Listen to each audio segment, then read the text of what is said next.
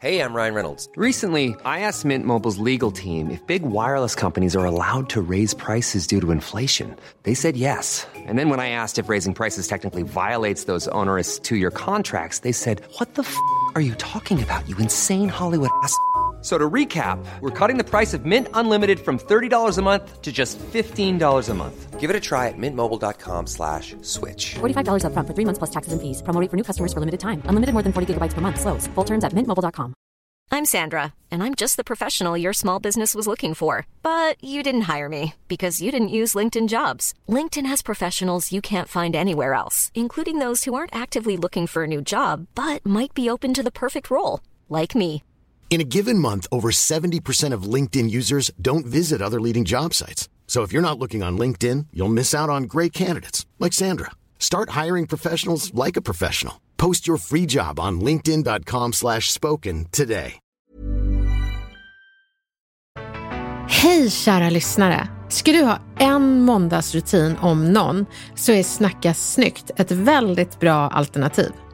Här peppar vi och ser till att du blir den bästa retoriska versionen av dig själv. Vi löser vardagsdilemman och snackar snyggt helt enkelt. Även om det sällan är så enkelt som det låter. Men ju mer du övar, desto bättre blir du. En väldigt viktig del av retoriken är storytelling. Att med ord lyckas trollbinda folk. Det är när man kan återge en erfarenhet, din egen eller någon annans, på ett sätt som gör att folk blir berörda och nästan känner att de själva är där. Och det är verkligen en konst och alla kan lära sig det här. Och då kanske du undrar, när har man användning av storytelling? Det låter ju på ordet som det är dramaturgi, men alla skulle ha stor användning av storytelling i olika yrken, oavsett om det är en läkare som ska förklara något för en patient eller en kemist som ska förklara något komplicerat för en novis. Du har användning av storytelling oavsett om du är barnmorska eller kanske en fastighetsmäklare. För storytelling rent krast gör budskapet oavsett vad det är mer tillgängligt och framför allt lyssnarvänligt. Okej, men hur ska det gå till kanske du tänker? Jo, du ska få lära dig ett gäng verktyg för den ack så fina konsten storytelling. Du kommer förstå varför vissa berättelser faller platt medan andra lyckas ge sina berättelser vingar och de lever långt efter själva storytellen har gått bort. Magi. Det här är Elaine Eksvärd, din retorikexpert när du vill ta trollspöt och trollbinda åhörarna. Idag ska vi lära oss storytelling. Det här är Snacka snyggt. Jag älskar att göra det här avsnittet för det är så nära mitt retoriknördhjärta man kan komma. Du förstår, det är så sällan någon lyckas trollbinda mig utan att jag någonsin retorikanalyserar vad personen gör, hur hen för sig, tonfall och så vidare. Vi föreläsare golvas sällan för vi jobbar ju med storytelling dagligen. Men när jag golvas så faller alla analysverktyg och jag är exakt på den platsen som talaren berättar om. Jag har varit med Anneli Pompe på jordens djupaste plats och hållit andan i sex minuter. Ja, alltså inte bokstavligen, men det kändes så. Det kanske högst var 30 sekunder, men känslan var att jag var där. Och jag har träffat farfars bror Hans via farfars gestaltande beskrivningar av hans sedan länge bortgångne bror. Och jag har känt deras syskonkärlek via farfars tårar och hans ton när han berättade om sin bror där han satt i sin gröna fåtölj. När jag är där i stunden, helt golvad av deras storytelling, så kan jag faktiskt inte berätta vad alla de här fantastiska talarna gör. Men i efterhand så finns det vissa gemensamma nämnare som de har och som jag snart ska gå in på.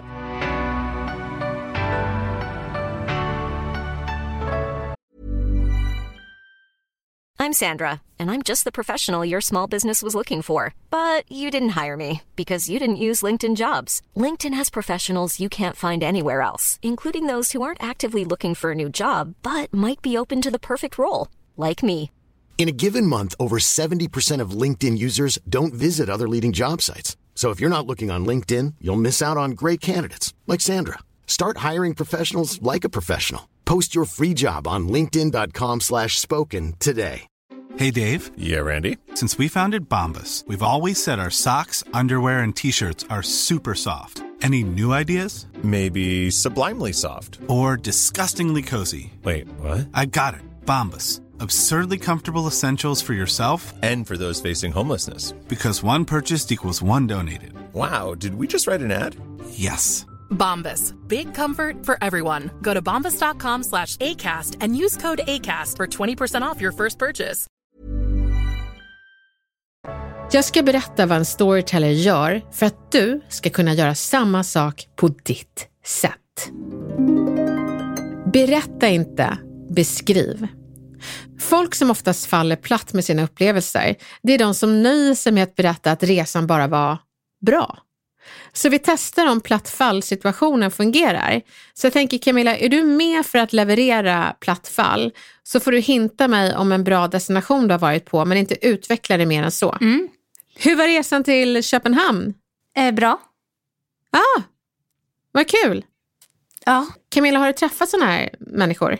men det är väl inte jättevanligt? Eller? Jo, tycker du inte? Som liksom bara, hur var din dag? Bra. Jo, men okej. Jo, jag har träffat sådana personer. Ja, Ja. och de, de, liksom, de svarar med sammanfattningar. Aldrig liksom destinationen till sammanfattningen. Och det är exakt det som eh, beskriva är. Beskriva, det är inte att säga bra. Det är att förklara så målande att jag som lyssnare kommer att tänka den resan till Köpenhamn var bra. Så vi testar igen Camilla, nu ska du få beskriva. Mm. Hur var resan till Köpenhamn? Vi var på tivoli och det var fullproppat med folk och eh, det var en massa olika konserter. Förlåt att jag avbryter dig, det är jättebra. Men eh, om du skippar metaperspektivet, säg inte när vi var på tivoli. För då är ju inte jag riktigt där med dig, utan du säger att kliva in genom de här höga gröna grindarna och se. Att kliva in på tivoli eh, och se alla dessa människor, glada människor, förväntansfulla människor som stod med sina eh, öl...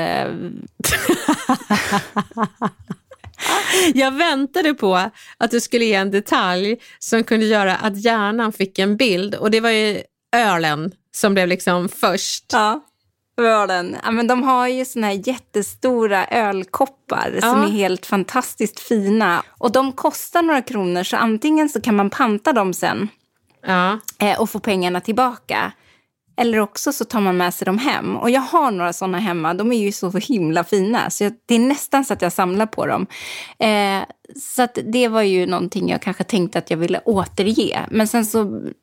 Äh, det här är jättesvårt, Elaine. Ja, men det är det. Och det är så roligt att jag får retorikträna dig i det. Eh, Jag, jag gjorde så att jag googlade tivolit i Köpenhamn bara för att se vad man eh, går igenom. Och nu är det inga grindar här utan det är ett valv som man går igenom.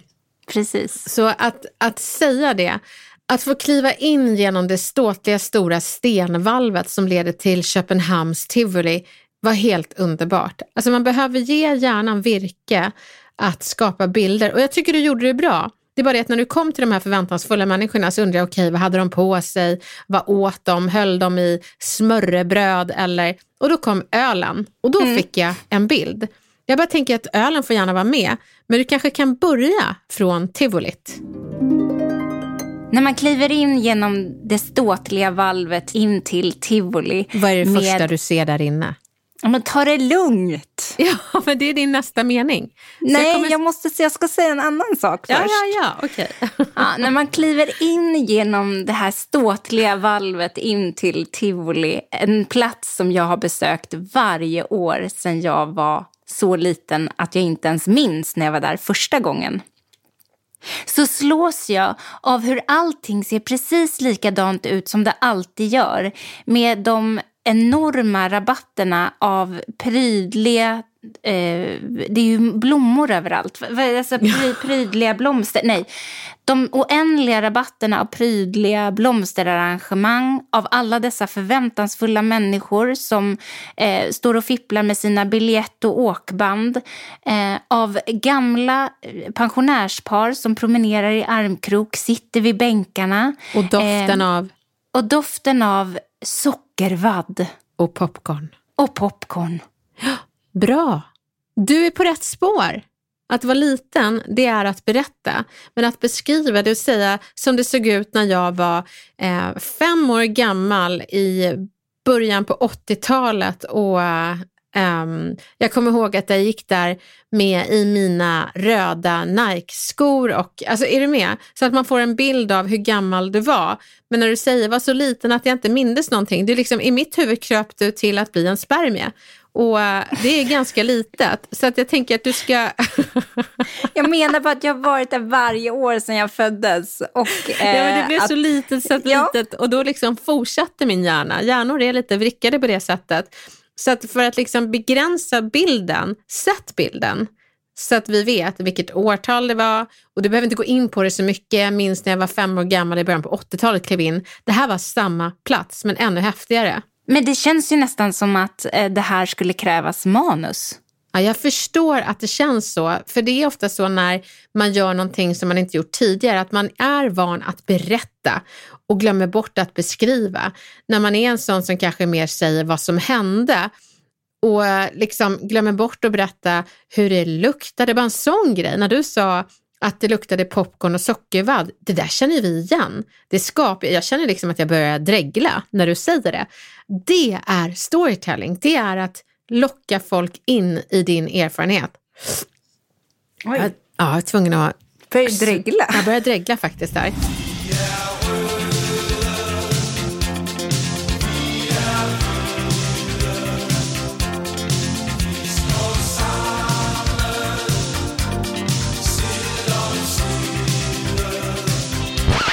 Så det var ju en enorm skillnad. Man ska bjuda in fler sinnen när man beskriver en plats.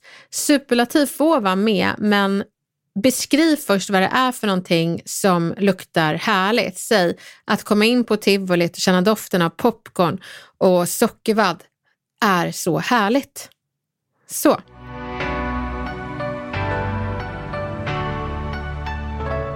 En annan sak du ska göra är läs av dem som lyssnar. Det är en timing att veta när i en story man ska stanna upp och bjussa på fler detaljer. Vissa som tröttar ut sina åhörare ger detaljer vid helt fel tillfälle.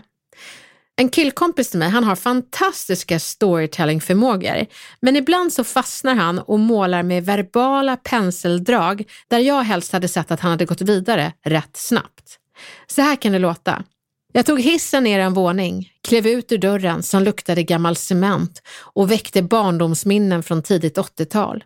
När jag skulle kliva ur hissen så fastnade min ryggsäck i hissdörren, men jag lyckades slita mig ut och förutspådde faran vid entrédörren och gjorde en smidig sorti. Väl där ute blängde en hund på mig och påminde mig om min gamla farfar under hans buttra dagar.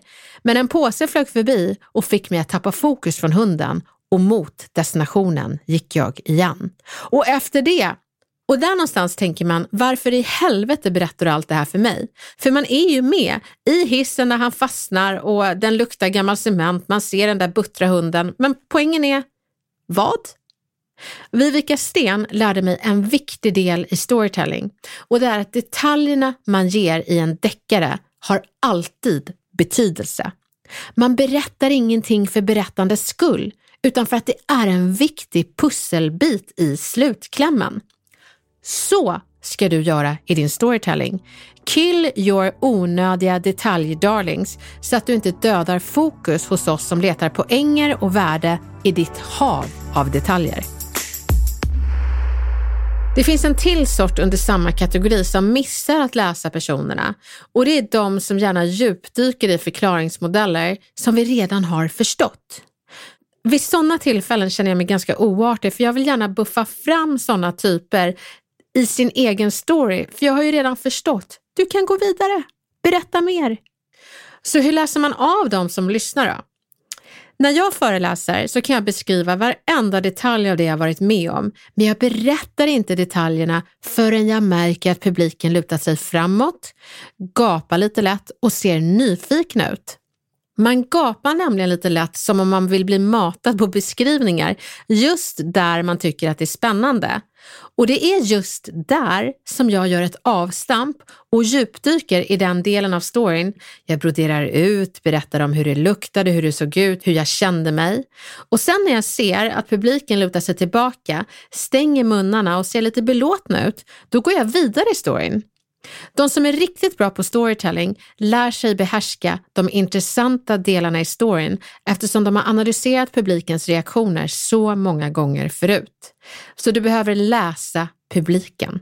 Och är man ingen föreläsare och det kanske bara är ett möte så är det samma regel. Du behöver lära dig se hur någon ser ut när de är intresserade och när du har tappat deras fokus. Misströsta inte när de tappar fokus utan pröva nya sätt att vinna det igen. Det är verkligen en kick att vinna tillbaka folk från mobilerna till det du pratar om igen. Ha koll på dina lyssnare. Det är viktigt att du vet vilka det är som lyssnar på dig, bara så att du förstår vilken kunskapshistorik de har eller kanske saknar jämfört med dig. För då blir det mycket lättare för dig att veta vilka delar du ska beskriva, fördjupa dig men också förklara. Det är inte roligt att förklara för folk som redan vet, då blir de bara irriterade. Men om du skippar att förklara det de inte vet, då kommer de känna sig dumma. Så gör läxan innan du berättar din story.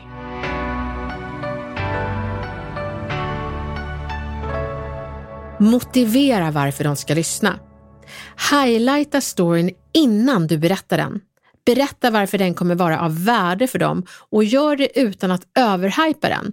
Du vet ju sådana som liksom överhypar ett skämt och säger alltså du kommer tycka det här är så roligt. Då är det nästan så att man sätter armarna i kors och bara men gud, nu måste jag krysta fram ett skratt här. Tänk om jag inte tycker det är roligt. Att hypa en story, det kan vara att du säger för er som ekonomer kommer min erfarenhet vara intressant, för misstaget jag gjorde vill en ekonom verkligen inte göra. Eller så kan du säga, för dig som läkare kommer det här vara intressant ur ett patientperspektiv. För den läkaren jag träffade vill inte ni råka vara. Det är att highlighta storyn och motivera varför de ska lyssna på den. Sätt scenen tidigt. Många kan säga när jag var liten, precis som du gjorde Camilla. Mm. Och det är ju helt okej, det kan man ju göra. Men för att sätta scenen och ge hjärnan virke att måla upp bilder, så berätta vilket årtal du var liten, hur gammal du var, vad du hade på dig vid tillfället du har en story om. Lyssna bara på den här skillnaden. När jag var liten och lyssna på Sätt scenen-metoden. 1991, då var jag 10 år och jag tyckte jag var coolast när jag fick gå i min Carola-tröja, rosa kjol, sidotofs och så gick jag där kaxigt och tuggade tuggummi medan freestylen spelade Tommy tycker om mig. Nu har lyssnaren scenen och en plats för att låta resten av storyn spelas upp. Det handlar inte om att beskriva resten av storyn med samma liksom, detaljerade penseldrag. Det handlar bara om att sätta scenen, för då kan de gå vidare med dig och din sidotofs, rosa kjol och Carola-tröja.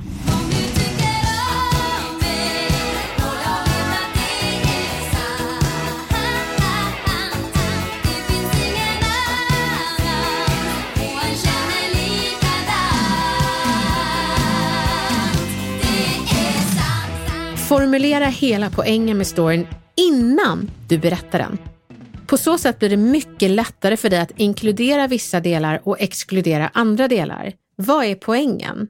Vi som tappar bort oss i vår egen story tycker liksom att åh, men det här måste jag berätta och det är lite kul. Men när du har en poäng så vet du, nej men det här ska jag utesluta för även om det är kul så hör det inte ihop med min poäng.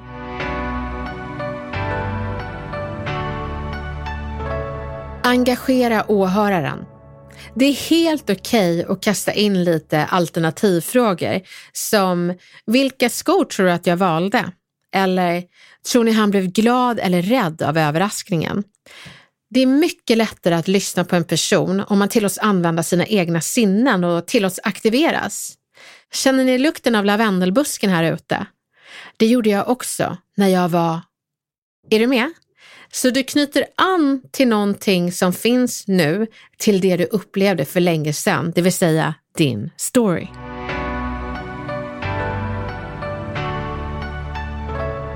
Avsluta starkt.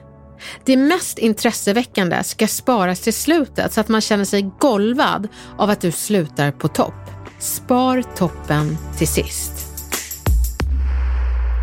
Du ska hålla dig på mattan och vara sann. För vet du, den där mattan kan bli en flygande matta bara du använder dig av verktygen jag har gett dig idag. Det handlar om att våga överge berätta och istället beskriva. Att du inte bara säger när jag var liten, utan också berättar när du var liten, vilket årtal och kanske vilka kläder du hade på dig. Att du som politiker berättar, vi har 34 procents arbetslöshet här i Sverige och det vill jag lösa. Det är att berätta din vilja. Men vill du som politiker istället svepa med potentiella väljare i din storytelling så är det bättre att du beskriver en person ur de här 34 procenten du nämner. Beskriv hur hennes tillvaro är idag och hur du vill att den ska bli i framtiden tack vare din politik. Matens resa till tallriken kan göra den ännu godare. Särskilt om fisken simmat i de vackra åarna i till exempel Värmland eller grönsakerna odlades på den här fantastiskt frodiga gården. Storytelling spelar roll i allt ifrån åsikter till smaklökar. Och du som lyssnar som undrar vad du kan vinna på att bli grym på storytelling, jo, det kan jag berätta för dig. Att behärska den här konsten kan förvandla hur folk lyssnar på dig generellt. Det kan förvandla hela din professionella vardag. Plötsligt så blir den här faktan som andra annars haft svårt att förstå, blir plötsligt fjäderlätt för att du adderar en story. Och inte bara det, den som annars alltid har ordet kanske förlorar ordet för att du kommer in med en story där dina vänner vill lyssna. Så jag kan lova dig att när du väl börjar testa de här verktygen och märker effekten, då kommer du vara stolt på storytelling och märka att det här gör skillnad på riktigt. Elaine, det har kommit in ett vardagsdilemma som jag tycker är så spännande. Berätta. Jag har dejtat en kollega i smyg ett tag. Vi är inte ett par, än. Han verkar inte vilja att vi blir officiella medan jag tycker att det vore ett naturligt steg. Jag vågar inte riktigt pusha honom i detta. Vad ska jag göra? Och vilket härligt vardagsdilemma att få vara lite kär sådär på kontorskvisten. Och så spännande. Verkligen. Men det verkar som att eh, det här med att vara i ett mellanläge är ju lite svårt. Alltså, då tycker jag att du ska fråga honom hur han vill ha det, om det är ett nästa steg. Om jag får bli lite personlig här så tycker jag just den här retoriken, mellanlägesrelationsretoriken är väldigt intressant. Jag kommer ihåg eh, när Gustav och jag dejtade för 13 år sedan och han ställde frågan, hur vet man att man är ett par? Och jag var så här, tihi, och jag sa ja, Jo, jag tror att när man träffas och ska säga hej då så bestämmer man snabbt när man ska ses igen. Och då svarar Gustav, ja okej, okay. när ska vi ses igen? den tycker jag var jättegullig, men jag, jag, den föll platt för jag fattade inte det då. Han återgav det till mig. Alltså du vet, jag, jag kopplade inte det, jag var så uppe i det blå. Men sen så gjorde han ett nytt försök och då sa han, du, jag har en fråga och jag var så här, tihi, vadå? Och då sa han, jag undrar lite vart vi är på väg. Och då sa jag, eh, ja alltså jag kan tänka mig att vara din tjej. Och han sa, jag kan tänka mig att vara din kille. Och så blev det dubbelt tihi och sen var vi ihop. Så att jag tänker just den meningen, du, var är vi på väg någonstans? Våga fråga. För om du undrar så finns det nog bara ett sätt. Ställ frågan till den som har svaret. Jag hoppas att det går bra och att ni kanske får gå hand i hand till jobbet i framtiden.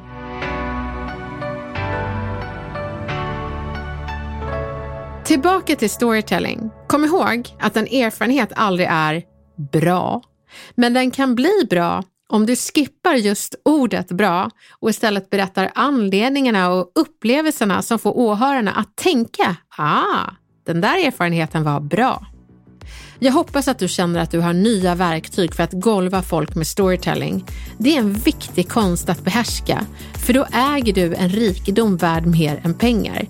Folks öron. Tack snälla för att du lyssnade på Snacka snyggt. Camilla Samek producerade. Mixen sköttes av Jonas Sjöberg. Jag, Elaine Eksvärd, är så glad över att få vara retorikexpert i din vardag. Ha en fin vecka nu så hörs vi snart igen.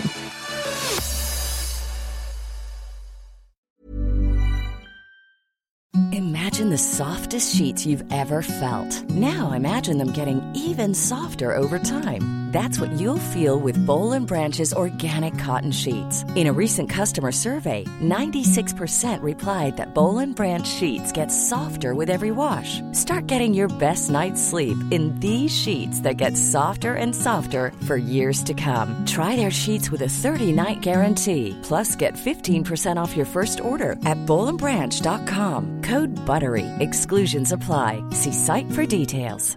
Imagine the softest sheets you've ever felt. Now imagine them getting even softer over time. That's what you'll feel with Bowl and Branch's organic cotton sheets. In a recent customer survey, 96% replied that Bowl and Branch sheets get softer with every wash. Start getting your best night's sleep in these sheets that get softer and softer for years to come. Try their sheets with a 30-night guarantee. Plus, get 15% off your first order at bowlandbranch.com. Code BUTTERY. Exclusions apply. See site for details.